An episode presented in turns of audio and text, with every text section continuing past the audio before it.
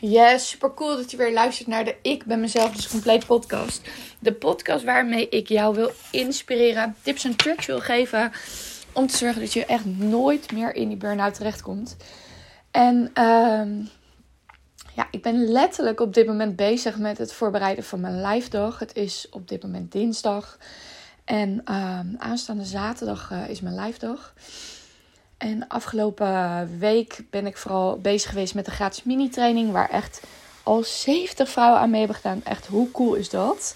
Gewoon 70 vrouwen die voor zichzelf kiezen om te onderzoeken van ja, wat staat me nu eigenlijk in de weg op dit moment om uh, me goed te gaan voelen in het leven. Dat vond ik al super cool. Maar dat mijn live dag zaterdag plaatsvindt, dat is echt een droom die in vervulling gaat. En wat wil ik met je delen in deze podcast is dat het zo ongelooflijk klopt allemaal. En dat het zo allemaal. Uh, ja, het lijkt alsof het helemaal zo moet zijn. Nou, en waar heb ik het dan over? nou, dat ga ik met je delen. Maar wat, um, wat zo super cool is, wat nu wel lukt en wat dus vroeger niet lukte toen ik niet lekker in mijn vel zat, was dat ik gewoon vertrouwen kon hebben. Het is dinsdag en zaterdag is mijn live dag.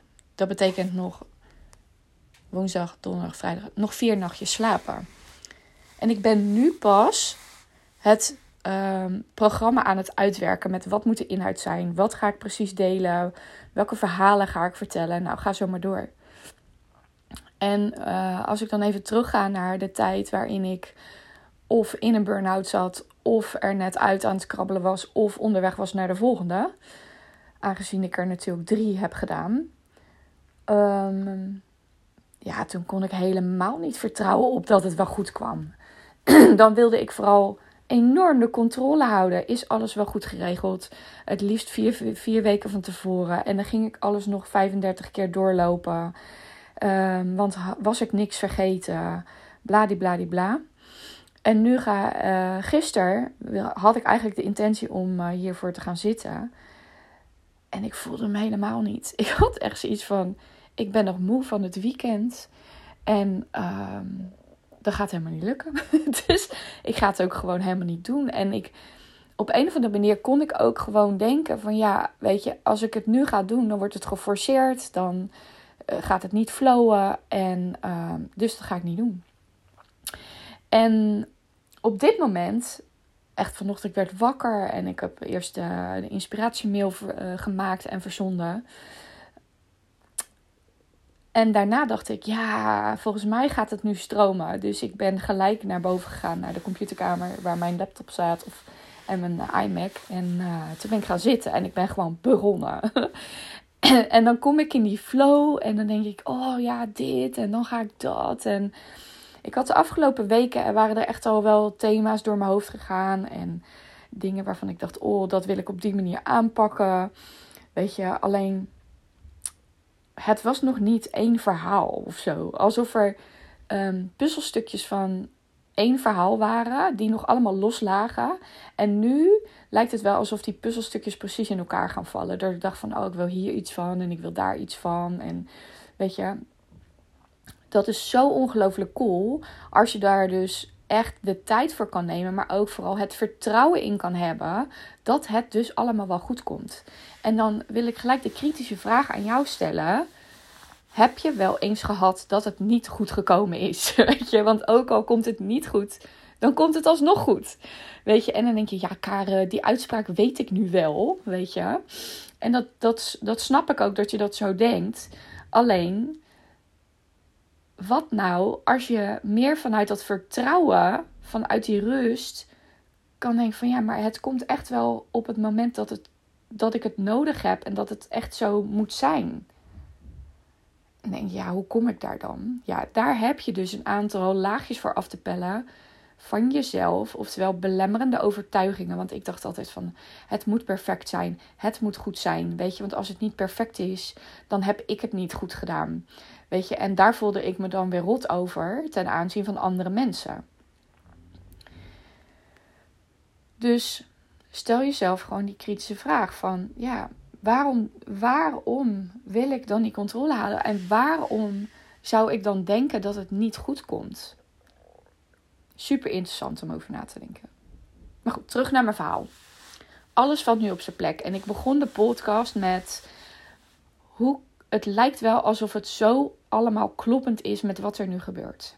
Nou, ik zal je even meenemen waarom ik dat zo voel en waarom ik dat zo denk. Ik heb namelijk in mijn carrière hier op aarde een aantal dingen hiervoor allemaal gedaan. Ik ben nu 42 jaar.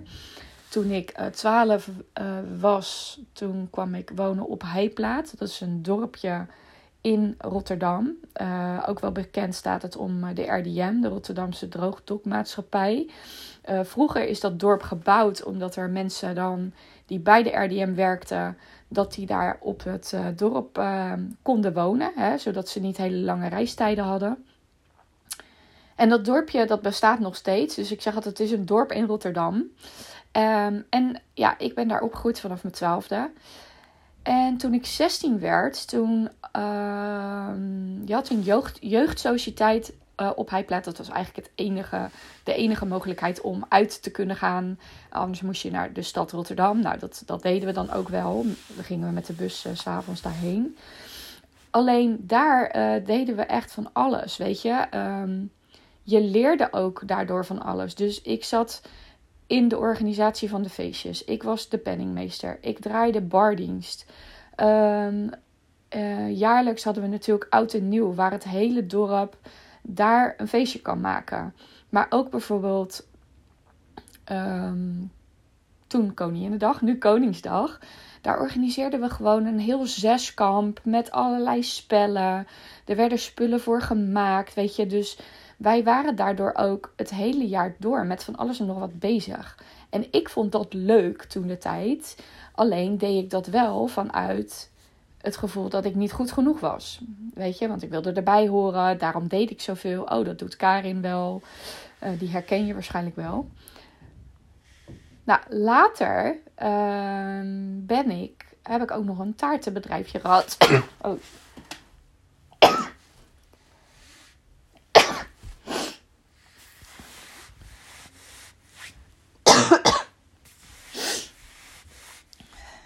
Later in mijn leven heb ik nog een taartenbedrijfje gehad.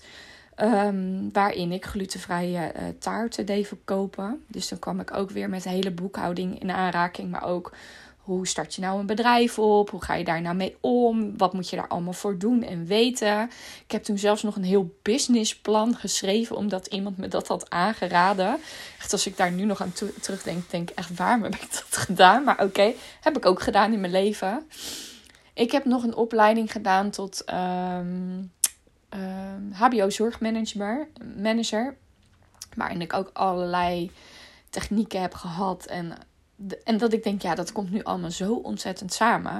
En dan denk je nog steeds, waar gaat het over, Karin? Nou, dat ik nu deze live dag organiseer, kan ik dus doen door alle kennis die ik dus op het pad van mijn leven eigenlijk um, ja, heb gekregen. Uh, wat ik heb ontdekt. Uh, wat ik wilde onderzoeken voor mezelf. Wat ik wilde leren. Um, want weet je, er komt een boekhouding bij kijken. Bij zo'n live dag organiseren. Er komt een heel programma wat je in elkaar moet draaien.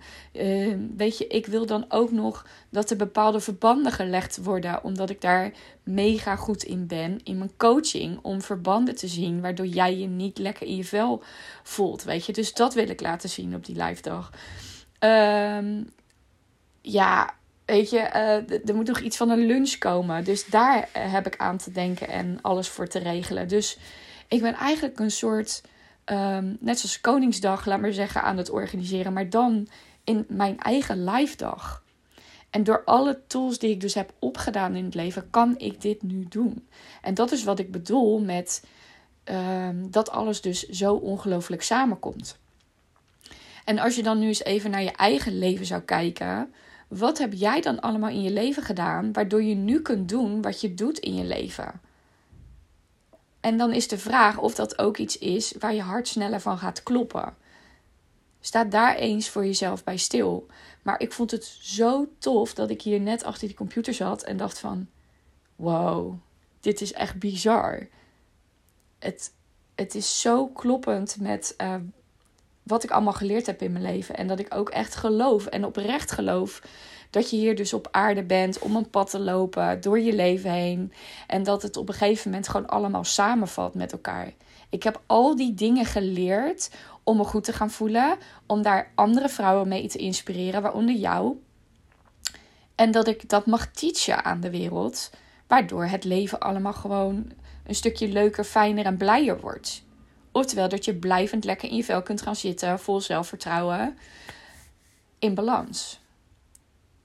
En ondanks dat ik dit nu allemaal aan het doen ben en aan het regelen ben, ben ik dus in balans. Maar nog veel belangrijker, ik ben ook in vertrouwen. Het vertrouwen dat het goed komt. Want wat nou als dit pad al zo geschreven was voor mij? Dat er van tevoren al bepaald zou zijn dat dit allemaal zo zou lopen en zou gebeuren. En dat ik al die ingrediënten, als het ware, nodig had om nu die volledige taart te bakken. om het maar even in beeldspraak te doen. Dat is toch geweldig. Dus ik ben ook wel benieuwd hoe dat voor jou is. Wat heb jij allemaal tot nu toe geleerd in je leven en wat komt er allemaal voor jou samen? Of ben je nog midden in die, dat pad van chaos waarin je niet lekker in je vel zit? Weet dan dat ik je daarbij kan helpen, dat ik die verbindingen voor je kan zien van waar komt dat nu precies door? Hoe zit dat precies voor jou? Zodat je ermee aan de slag kunt, zodat je wel die stappen kunt gaan maken. En als je hier al even mee aan het aantoppen bent, dan wil ik je echt van harte uitnodigen om een gratis inzichtgesprek met mij in te plannen. Ik zal even de link delen ook in de show notes. En toen ik dus net dat hele programma in elkaar aan het draaien was. En ik ben in, het, in de ochtendsessie, laat maar zeggen, nog bezig. Toen dacht ik, oh weet je, ik ga vast promotie maken voor mijn volgende live dag. Want ik vind dit nu al zo ontzettend fantastisch. En ik weet nu al dat het zo'n ongelooflijke waardevolle dag wordt voor die vrouwen die gaan komen. Dat ik mijn vader een appje had gestuurd van pap, kun je alvast kijken of, uh, of die zaal voor 3 juni ook vrij is. En ja, dat duurt nog een paar maanden. Maar uh, april en mei is echt alleen maar hemelvaart, pinksteren, vakanties en alles. Dus ik dacht, ja, dat gaat hem gewoon niet worden. Uh, dus 3 juni wordt mijn volgende live dag. En vorige keer heb ik bijna geen promotie gemaakt en waren al mijn kaarten uh, echt binnen no time uitverkocht. Dus heb je zoiets van: Oh, ik ben eigenlijk wel benieuwd, Kaar, naar de volgende live en ik wil erbij zijn. Hou dan mijn social media zaterdag ook in de gaten en van de week, want ik ga hem gelijk ook promoten. Um, waar gaat het over? De volgende live dat gaat echt over hoe kan je liever zijn voor jezelf. Want je bent nu vooral streng voor jezelf. Dus hoe ga je van liever naar voor jezelf, of van strenger voor jezelf naar liever voor jezelf? Weet je, dus waar liggen dan jouw verantwoordelijkheden en waar heb je dan grenzen te stellen voor jezelf? Nou, wil je daar full focus een dag voor jezelf aan werken? Ehm, want een dag voor jezelf nemen, dat is al liever zijn voor jezelf. Wees er dan bij en stuur me desnoods een berichtje van Karin. Ik wil als eerste een kaart kunnen kopen. Man, man, man, wat, heb ik hier zin in? Wat, heb ik, wat kijk ik er ontzettend naar uit? Dus ik ga weer even lekker verder tikkelen, teuren achter mijn computer. En ehm, denk even na over de vragen die ik met je gedeeld heb in deze podcast. En weet, verander je verhaal en alles wordt mogelijk. Tot de volgende.